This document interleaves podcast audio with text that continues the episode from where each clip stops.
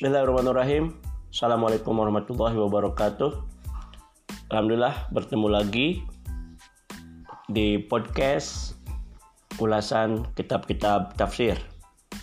Yang mana podcast hari ini insya Allah kita akan melanjutkan apa yang telah kita mulai yaitu ulasan kitab tafsir surat Al-Ma'arij.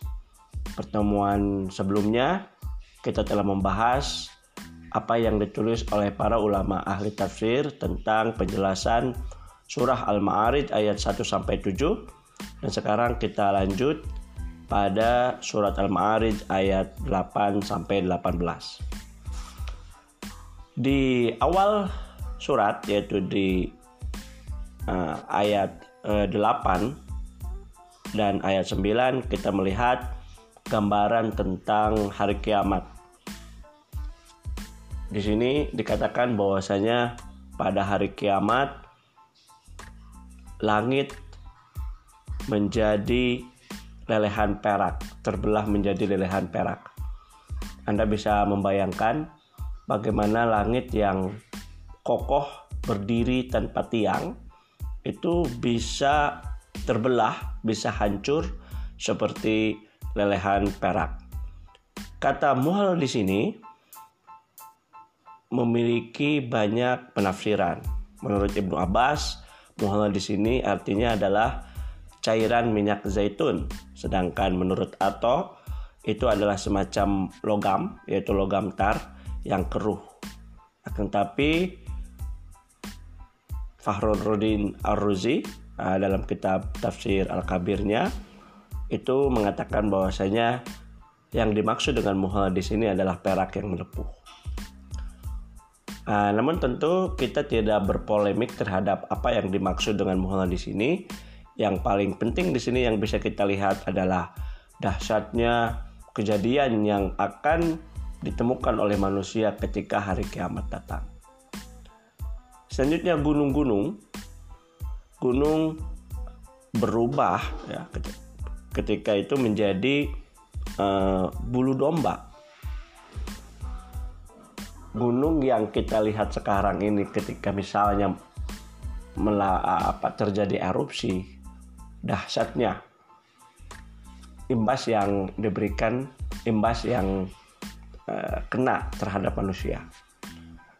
Itu hanya satu gunung. Dan ketika hari kiamat nanti semua gunung itu berubah menjadi bulu domba. Dalam arti berterbangan saking lembutnya saking ringannya sesuatu yang berat menjadi ringan itu menandakan menandakan dahsyatnya apa yang akan ditemui oleh manusia ketika hari kiamat. Nah, satu hal lagi yang menarik dari kejadian hari kiamat ini adalah bagaimana orang kafir yang merasa terbebas dari apa yang disampaikan oleh Rasulullah SAW mengenai deskripsi hari kiamat, mengenai kewajiban setiap manusia yang ada di dunia ini supaya bisa selamat dari dahsyatnya hari kiamat, supaya bisa selamat dari uh, apa? Uh, dari alam akhirat. Di sini di hari kiamat yang datang setelahnya itu adalah uh, neraka. Apa? Bukan neraka uh, tapi uh, alam akhirat. Itu setiap manusia tidak bisa berkomunikasi satu dengan yang lainnya. Setiap manusia tidak bisa menolong satu dengan yang lainnya. Mereka sibuk dengan urusannya masing-masing. Apakah di hari akhirat ini, di hari pembalasan ini, mereka akan menerima buku raport dari amal mereka di, di tangan kanan atau di tangan kiri?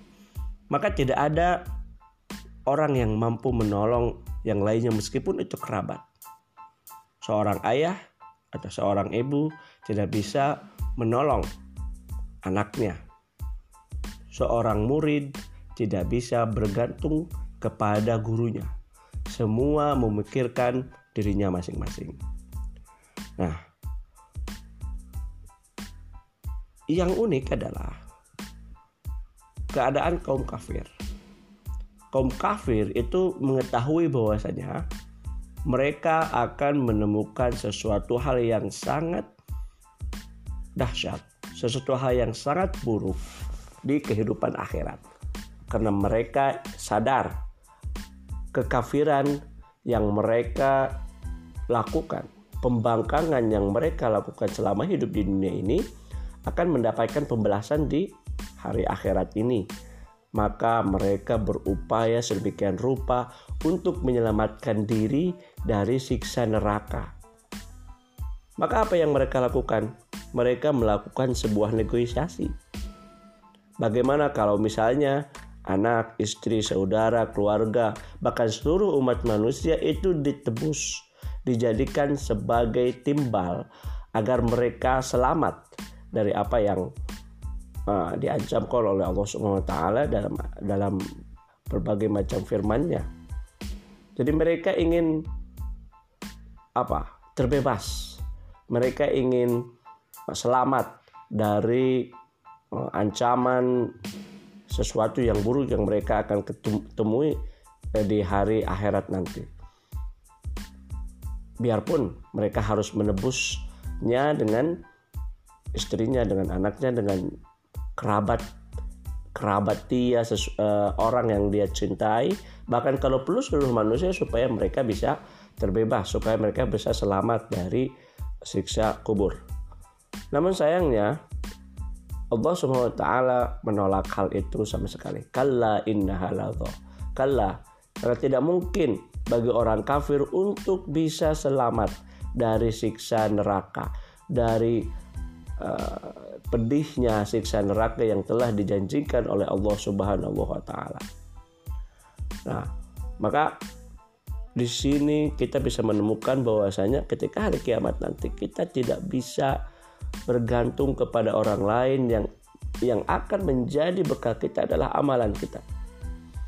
Maka kita bisa melihat dalam surah Luqman ayat 33 di sana menyatakan bahwasanya seorang bapak tidak dapat menolong anaknya dan seorang anak tidak dapat pula menolong bapaknya sedikit pun. Nah, jadi hari itu tidak ada yang bisa menolong kerabatnya. Dalam surat Fatir ayat 18 Allah SWT menegaskan bahwasanya orang yang berdosa tidak akan memikul dosa orang lain. Dan jika seseorang yang berat dosanya memanggil orang lain untuk memikul dosanya itu, tiadalah akan dipikulkan untuk sesedikit pun. Jadi misalnya seseorang si A itu memiliki dosa yang sangat banyak. Memiliki kesalahan yang sangat besar. Dan dia meminta pertolongan kepada orang yang selamat. Kepada orang, eh, kepada kerabatnya maka hal itu adalah sesuatu hal yang mustahil karena seseorang hanya dibantu oleh amalannya. Dalam surat surah Al-Mu'minun ayat 101 kita mengetahui bahwasanya ketika sang kakala ditiup maka tidak ada lagi pertalian nasab. Ayah kita tidak menjadi ayah kita. Anak kita tidak menjadi anak kita. Istri kita menjadi tidak menjadi anak e, istri kita lagi tidak ada pertalian nasab. Semua bergantung kepada amalannya. Nah, maka di sini Profesor Wahbah Az-Zuhaili dalam tafsir Amrulnya mengatakan bahwasanya ketika langit meleleh seperti luluhan perak, gunung-gunung seperti wall yang berterbangan, kerabat tidak saling bertanya satu sama yang lain, orang kafir ingin selamat dari azab neraka meskipun itu dengan mengorbankan kerabat mereka tapi itu adalah sesuatu hal yang sia-sia mereka kerabat mereka saudara mereka orang-orang yang menjadi uh, orang-orang yang selalu menyelamatkan mereka ketika di dunia itu tidak akan bisa menyelamatkan lagi. Nah, di sini kita bisa melihat dalam penggalan ayat selanjutnya kalla innaha di sini digambarkan lagi bagaimana pedihnya siksa neraka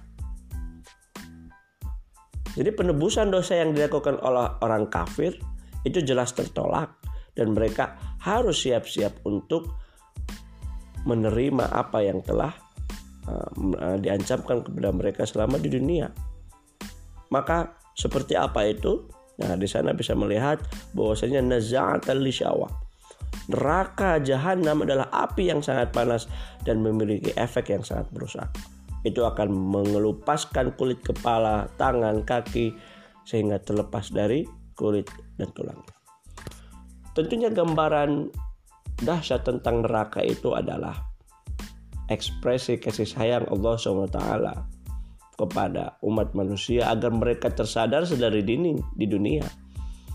Bahwasanya nanti di akhirat apabila kan mereka melakukan pembangkangan apabila kan mereka melakukan uh, kekufuran tidak mengimani akan adanya Tuhan maka azab mereka akan sangat pedih ketika di neraka.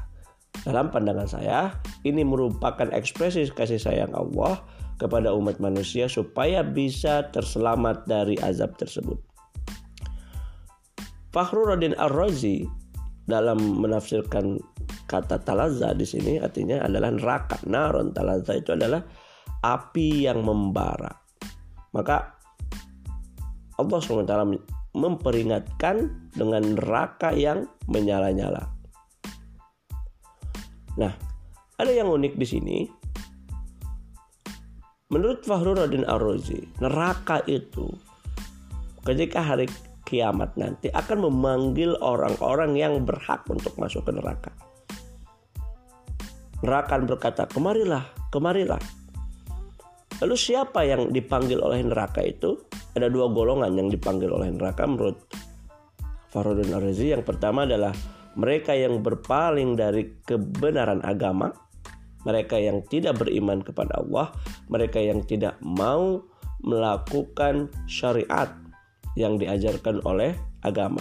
Itu golongan yang pertama dan golongan yang kedua adalah mereka yang menumpuk-menumpuk harta dan tidak mau membelanjakannya di jalan Allah Subhanahu wa. Tidak mau bersedekah, tidak mau mengeluarkan zakat, tidak mau melakukan wakaf tidak mau memberikan infak, tidak mau memberikan nafkah kepada keluarganya. Itu juga termasuk golongan yang akan dipanggil oleh uh, oleh neraka nanti di hari kiamat. Baik, eh, rekan-rekan semuanya, kita bisa melihat sebuah gambaran tentang dahsyatnya hari kiamat, bagaimana langit yang sedemikian kokoh itu akan melepuh seperti hanya uh, luluhan perak dan gunung yang begitu kokoh yang kita lihat begitu kuat begitu kokoh mengakar. Itu pada hari kiamat akan berterbangan seperti hanya wall bulu wall yang sangat tipis yang sangat ringan. Ini menunjukkan betapa dahsyatnya hari akhirat. Hari kiamat. Dan di akhir akhirat nanti setiap orang tidak bisa meminta pertolongan kepada orang lain meskipun itu kerabatnya, meskipun itu orang tuanya, meskipun itu anaknya. Semua akan bergantung pada amalannya masing-masing. Ketika sangka kala ditiup maka tidak ada apa? Tidak ada pertalian nasab. Dan yang lebih perih di sini adalah tentunya nasib orang kafir. Orang kafir yang telah diberikan ancaman oleh Allah SWT yang telah diberikan warning oleh Allah semasa hidup di dunia melalui risalah yang disampaikan oleh para nabi dan rasul mereka akan bersiap-siap untuk menerima siksaan di hari akhir ini dan tentunya tidak ada yang bisa menolong mereka satupun dan kita tahu kita mafum bahwa di neraka ini sungguh sangat pedih. Keadaannya sungguh sangat mengkhawatirkan. Kita akan uh, di sana akan ada api yang sangat membara dan meluluh lantakan kulit manusia, dagingnya sampai melepuh, sampai keluar tulang dan akan dihidupkan lagi untuk terus secara kontinu, secara terus menerus mendapatkan um, siksaan dari Allah SWT. Semoga kita menjadi orang-orang yang lurus, yang diberikan jalan yang lurus, yang diberikan hidayah untuk menempuh syariat yang diajarkan oleh Allah SWT dengan penuh keimanan, dengan penuh ketakwaan sehingga kita menjadi golongan orang-orang yang selamat ketika di hari akhir. Baik, terima kasih. Wabillahi taufiq Wassalamualaikum warahmatullahi wabarakatuh.